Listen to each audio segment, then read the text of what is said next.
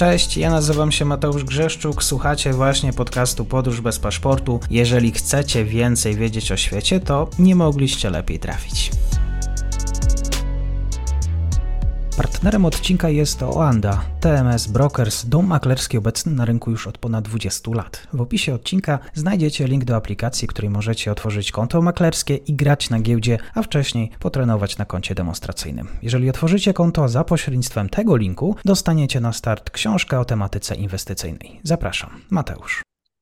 Dzień dobry Państwu, dzień dobry wszystkim słuchaczom. Dzisiaj komentarz bliskowschodni dzieje się rozpojrzeniem na Kaukaz. Ze mną jest Paweł Rakowski, ekspert do spraw właśnie Bliskiego Wschodu. Dzień dobry, kłaniam się. Dzień dobry, bonjour, comment ça va? Łączy się z Bejrutu. E, za chwilkę do, do, do tego wątku wrócimy. W Bejrucie słychać e, azerskie strzały, ostrzały w związku z tym, co się dzieje w Karabachu? Nie, ale jest bardzo duża obawa, że Ormianie spalą ambasadę. Już dochodziło do takich sytuacji wcześniej. W samym Libanie mieszka około 150 tysięcy Ormian.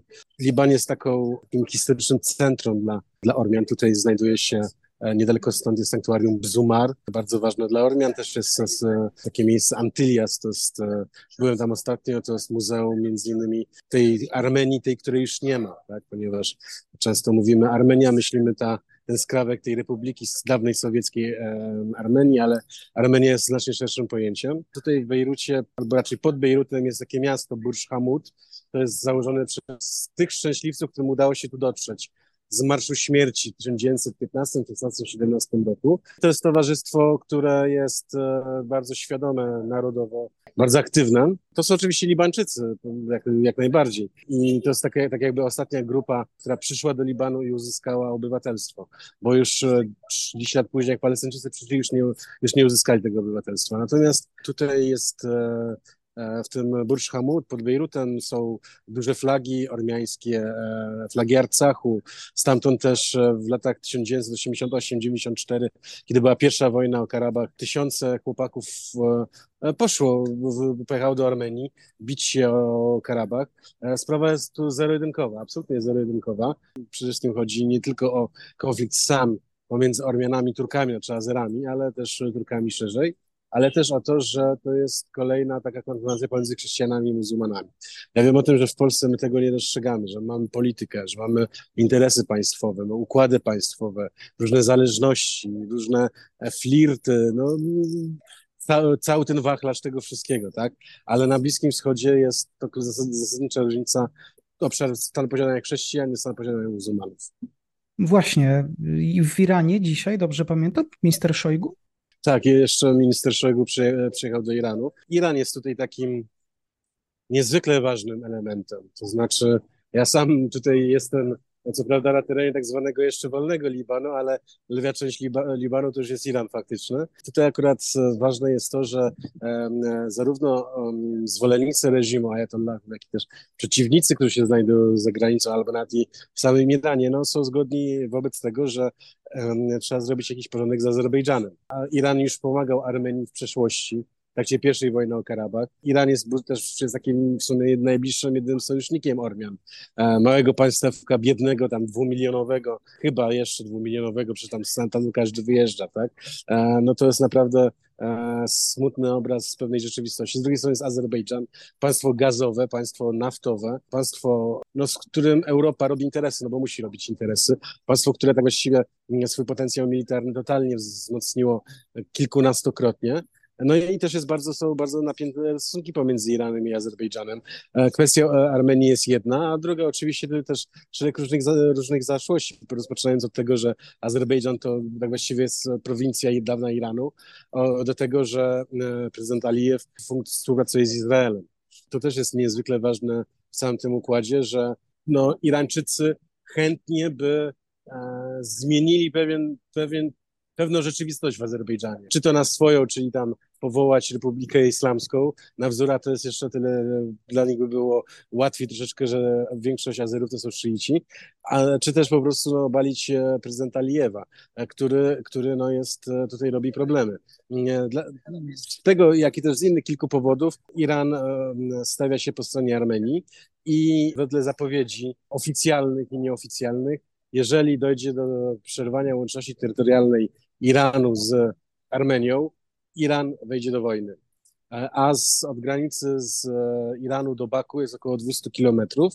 Oczywiście tutaj też trzeba zawsze brać pod uwagę to, że 11-15 milionów obywateli Iranu są Azerowie, też świadomi narodowo. To wszystko oczywiście komplikuje trochę sytuację, ale też, ale też e, pokazuje to, że e, szczególnie Teheran no, musi iść ostro. Musi iść ostro dla swoich żywotnych interesów, które, które między innymi są spowodowane tym, żeby mieć to łączyć terytorialną z Armenią.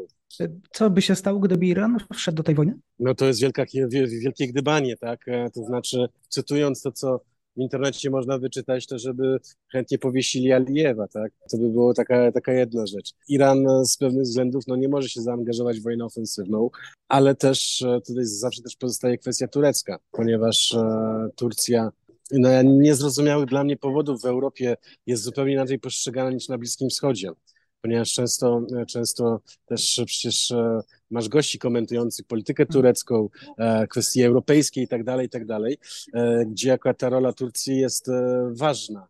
Ważna, realnie ważna. Prostu Turcja jest ważnym państwem, ale patrząc z perspektywy Bliskiego Wschodu, no to ta siła prezydenta Erdogana jest zupełnie na odwrót. To znaczy, to, to prezydent Erdogan, chociaż tutaj no, pewne jakieś swoje buńczyczne zapowiedzi z reguły zawsze robi, to jednak Irańczycy ostatnio jako tam tupnęli i prezydent Erdogan się uspokoił.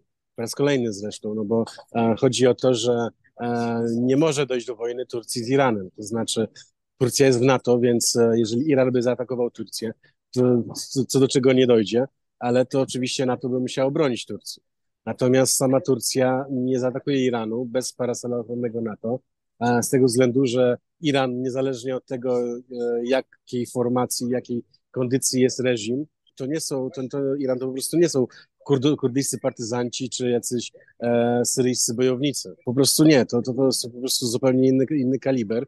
Irańczycy w, w ostatnich miesiącach bardzo mocno się chwalą i prężą mus muskuły. Chwalą się kolejnymi projektami, chwalą się kolejnymi rakietami dalekiego zasięgu, jak KSM, czyli na, na części Soleimaniego, nowe drony, tak, tutaj bodajże trzy tygodnie temu była taka wielka wystawka w ogóle tych nowych, nowych irańskich zabawek, na, na targach w Teheranie. Zostali zaproszeni atasze 37 krajów, w tym, w tym, w tym też e, e, Polski. No wrażenie, wrażenie to robiło po prostu.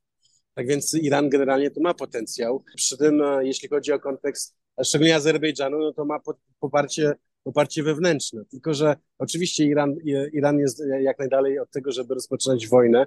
E, z kilku powodów. Wojnę roz, łatwo rozpocząć, ale trudno ją skończyć. Ostatnia wojna, w którą Iran był zaangażowany, trwa 8 lat z Saddamem Husseinem. To jest lekcja, która po prostu pamięta, pamiętają w Teheranie. Oczywiście tutaj o wiele łatwiej by było, żeby e, gdzieś tam jakieś organizacje arabskie powciskać, tak? czy to, czy to iracki Hashar Shab, czy libański Hezbollah, no ale, ale, ale to, jest, to jest zupełnie inna sprawa. Mi się wydaje, że jeżeli doszłoby do wojny, przy złej konstelacji dla Azerbejdżanu, to dla nich mógłby być wielki szok. To bardzo, bardzo dotkliwa klęska.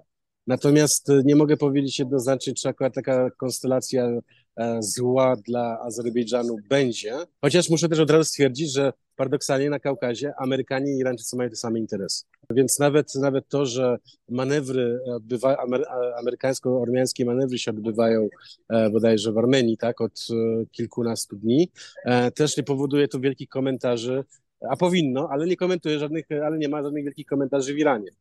Tak więc, tak więc to też jest taka ciekawa taka zbieżność tych, tych, tych, tych, tych wszystkich interesów.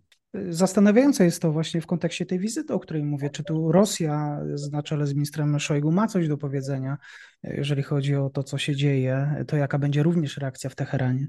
Na pewno.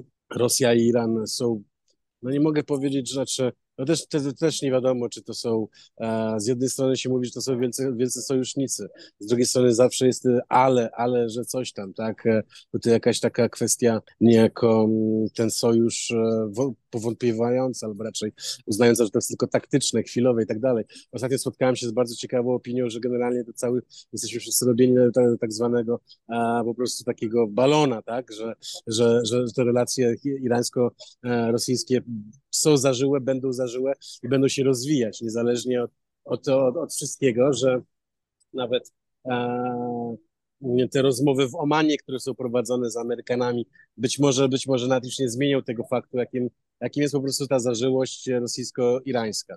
E, to jest, to jest na pewno ważne, że e, z tego względu, że tutaj też, też jeszcze jest e, in, kilka innych tematów, które łączą Rosję i Iran względem Bliskiego Wschodu. Oczywiście kwestia Kaukazu. Mam doniesienia z Syrii, coraz takie, nazwijmy to, bez, bezpośrednie z pierwszej ręki i słyszę o tym, że Rosjan w tej Syrii już nie ma prawie. To, to też jest ważne, a na miejsce Rosjan są Irańczycy czy też proirańskie milicje. To też jest niezwykle ważne, co też robi pewnego rodzaju uzupełnienie też kwestii tureckiej, ponieważ przypominam bodajże rok temu, chyba jak była taka wielkie larum o tym, że Erdogan chce najechać na północną Turcję, Syrię znowu, mm, no to jednak tutaj Irańczycy postawili też znowu wielkie weto, że, że po, na, po naszym trupie. E, no i Erdogan nie chciał iść na konfrontację. E, tak więc, tak więc, tak więc to też jest wydaje mi się dość, dość istotne. No i też, też akurat e, Rosjanie i, i Irańczycy mają ten sam wspólny interes, ponieważ przez łączność terytorialną Armenii no, mają tam jakąś wspólną przestrzeń, nazwijmy to, wspólnego jakiegoś huba takiego lądowego. E, no tylko, że z drugiej strony też słyszałem teorię, że Putin e, przy dobrej cenie mógłby chwilowo zrezygnować z tego huba na rzecz jakiś ustęp z drugą stronę. Tak więc, tak więc, tak więc e, na pewno to jest coś, o, czym e, Szojgu, Szojgu rozmawiał w Teheranie. Mhm. To jeszcze na zakończenie jesteś e, w kraju pogrążonym w chaosie, gdzie stolica funkcjonuje normalnie. Wszystko funkcjonuje normalnie. To jest w ogóle absolutnie, czy, czy państwa nie ma? To fakt, państwa nie ma. Nie ma, nie ma policji, nie ma rządu, nie ma prezydenta, nie ma premiera, nie ma marszałka Sejmu, a jakby był, to i tak wiadomo, kto to nim będzie.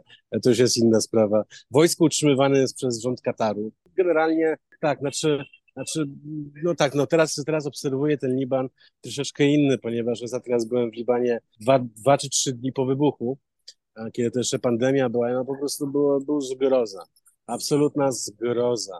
A ten Bejrut to po prostu się do niczego nie nadawał. Zresztą, prawdę mówiąc, przed wybuchem też się do niczego nie nadawał.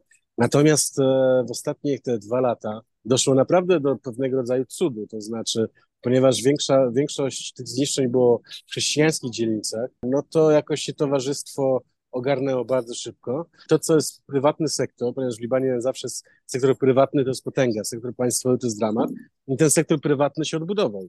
Nawet, nawet e, jest takie fajne, takie fajne miejsce, gdzie, gdzie jest takie jedno ministerstw, które zostały dosłownie przewiane przez ten wybuch, także po prostu ten budynek jak z tyłu został, ten podmuch wziął, to po prostu wszystko wyleciało drugą stroną, to dalej stoi w ruinie, a te sklepy, które były naprzeciwko, no są już odbudowane, funkcjonujące i niekiedy, niekiedy to jest nawet lepiej niż było, ponieważ Bejrut jak się odbudow odbudowywał, znaczy w 90, 91, 92 dość dużo było prowizorki, która tak stała przez te 20-30 lat, no a teraz po prostu ludzie e, jakimś tam sposobem, nie wiem skąd za bardzo, e, finansowo, ale po prostu to zrobili, że Bejrut jest po prostu lepszym miastem niż był.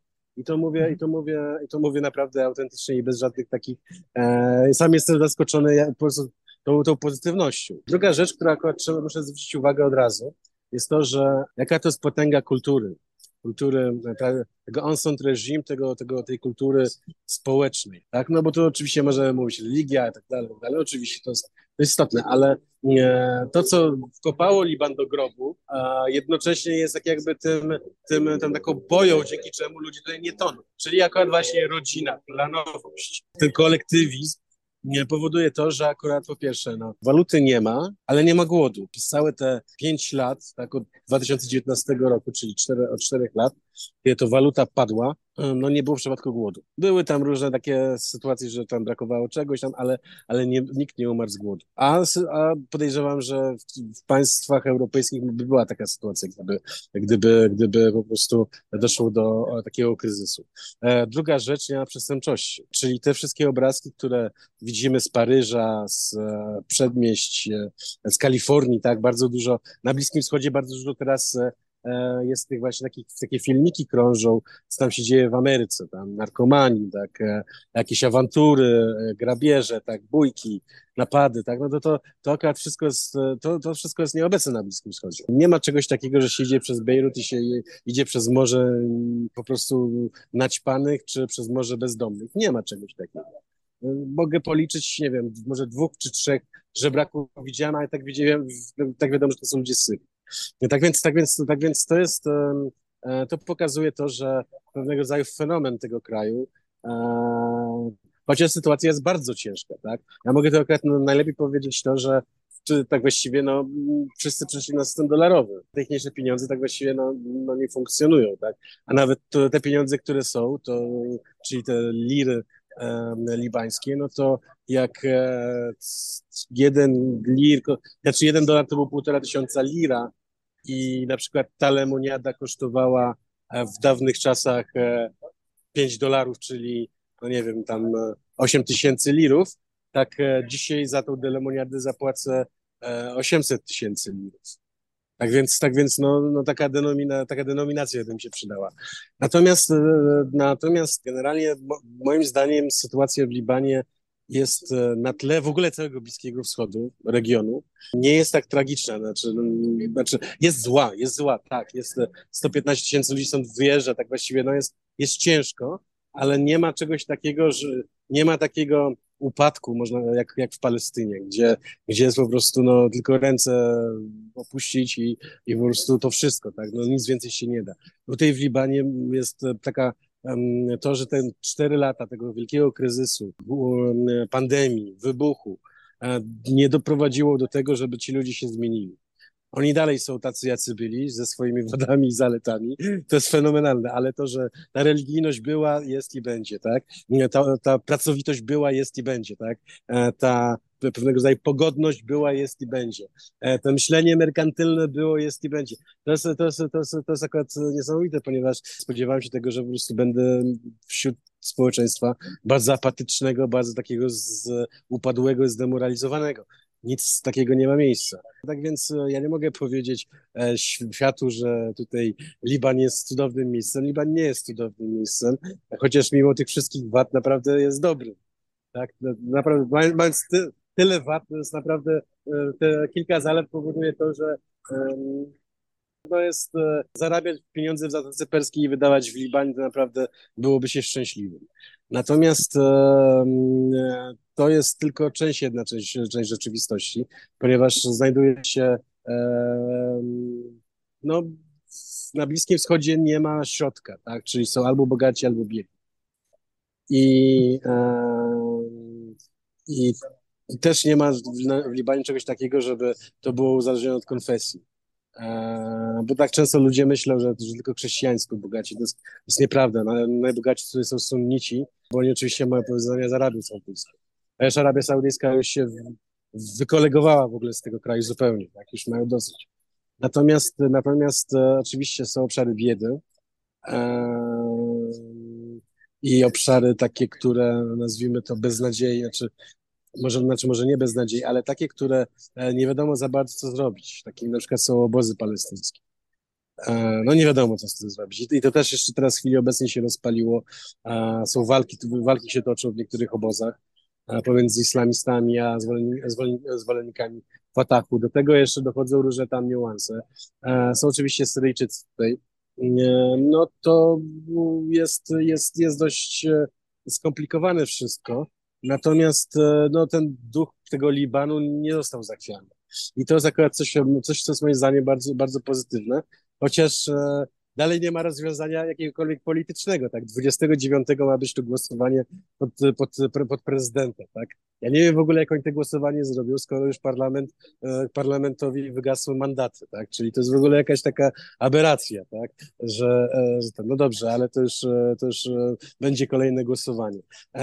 Tak właściwie, no to jest w związku z tym, że prawie 90% Libańczyków jest w sektorze prywatnym, to państwo tak właśnie tu nie musi istnieć po prostu nie musi istnieć. Oczywiście lepiej by było, żeby, żeby one istniały, ale i tak jak Liban by, by istniał, był taki, jaki był do 2019 roku, czyli no taki trochę mocno lepiony i klejony e, prawda, to, to, to, to, taka koszula po prostu, skra, po prostu tutaj łatana wszędzie, to jednak i tak to było państwo, w którym to było kondominium e, różnych interesów i różnych krajów, tak. Ja to akurat widzę, oczywiście pomijając Iran, którego no nie widzę, bo, bo nie widzę nigdzie Iranu. Iranczyków chyba tylko raz tu widziałem.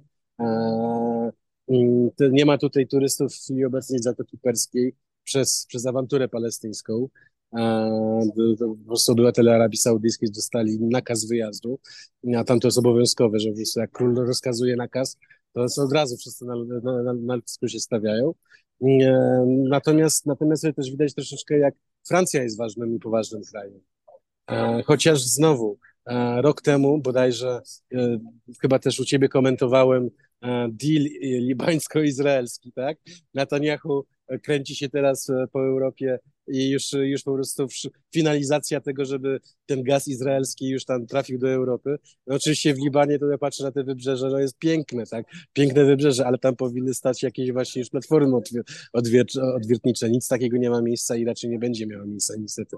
Tak więc, tak więc e, tutaj już tak finalizując pewną myśl, w, w, ostatnich, e, w ostatnich dniach doszło do e, tego spotkania Mohammeda bin Salmana z prezydentem, premierem Modim i prezydentem Bidenem w New Delhi i został ogłoszony ten nowy szlak e, łączący Indię, Bliski Wschód i, i Europę.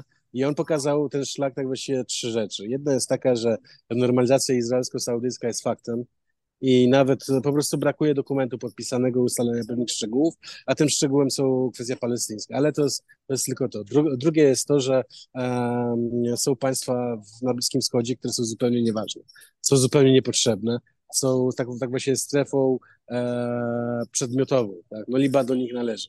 Wszystkie inicjatywy gospodarcze z, ze świata arabskiego zawsze szły przez Liban. Zawsze. To akurat tutaj to kwestia, kwestia bankowości, tak? kwestia dostępu do morza, e, infrastruktury, zawsze wszystko szło przez Liban. Teraz nikt o, o Libanie nie pomyślał, tak? Nawet, nawet Liban tutaj, tutaj tak właściwie um, Modi z Bin Salmanem stwierdzili, że Haifa izraelska Haifa jest, znaczy jest tutaj lepszą, lepszą ofertą, tak? No i trzecia rzecz, e, znaczy jest taka, że mamy nowy Bliski Wschód złożony e, z takich krajów jak e, Emiraty Arabskie, Arabia Saudyjska i Izrael, może jeszcze Jordania do tego. No i mamy stary Bliski Wschód, w którym to po prostu no, no nic się nie będzie zmieniać, tak? I to jest, i to jest o tyle dla nas niekorzystne, że w związku z tym, że chociaż że mamy non-stop kryzys e, z uchodźcami, no i to akurat właśnie to, no ja tutaj tak właściwie co, co drugą osobę tutaj widzę na pontonie. I z tym trzeba się też liczyć, że, że, że po prostu jeżeli pewne sprawy na Bliskim Wschodzie nie zostaną w sposób e, e, należyty załatwione, to znaczy, żeby po prostu nie została jakaś prowadzona industrializacja najlepiej, żeby po prostu powstały miejsca pracy, no to mamy, no to mamy wielomilionowy zalew rozłożony na lata lub na dekady i to jest nieunikniona sprawa. Tak więc, tak więc, tak więc są takie trzy rzeczy, które, które, które tak właściwie no, powodują to z tej całej sympatycznej przestrzeni, który, w której jestem, no ale to wnioski są mało sympatyczne, jeśli chodzi o, o sprawy szerszej kategorii. Paweł Rokowski dzisiaj w komentarzu dla Państwa. Bardzo dziękuję Pawle za Twoje relacje i spotkanie. Kłaniam się. Dziękuję bardzo. Do, do, do zobaczenia. I to już koniec na dzisiaj. Zapraszam na profil podcastu Podróż bez paszportu na Facebooku, Instagramie i Twitterze. Zachęcam też do wsparcia mojej pracy na serwisie Patronite oraz Buy Coffee. Do usłyszenia.